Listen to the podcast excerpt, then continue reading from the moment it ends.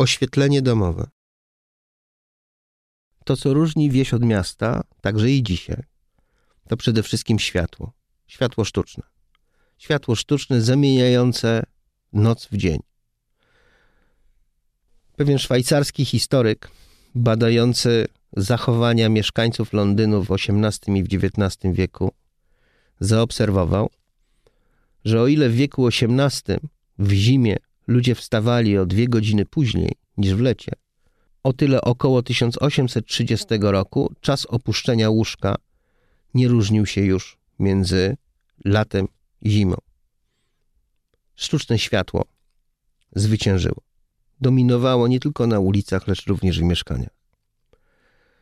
Świece zastąpione zostały w końcu XVIII wieku przez udoskonalone lampy olejowe.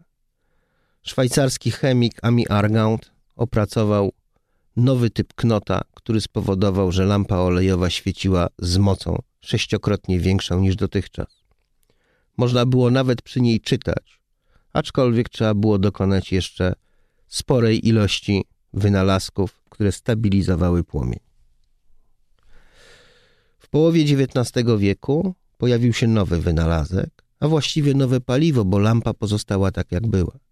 Tym nowym paliwem była nafta, a pomysłodawcą galicyjski aptekarz Ignacy Łukasiewicz, który opracował nie tylko samą lampę, lecz również metodę destylacji ropy naftowej. Lampa naftowa dominowała przez cały wiek XIX. Miała oczywiście konkurentów. Oświetlenie gazowe. Przy czym oświetlenie gazowe to przede wszystkim oświetlenie zewnętrzne. Wewnątrz domów gaz pojawia się stosunkowo rzadko, dlatego że koszta doprowadzenia instalacji są bardzo wysokie. Wreszcie tuż przed I wojną światową pojawia się w Warszawie elektryczność.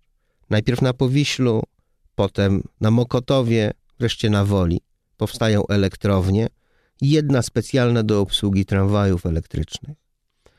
Ale aż do wybuchu Wielkiej Wojny światło elektryczne pojawia się tylko w nielicznych mieszkaniach.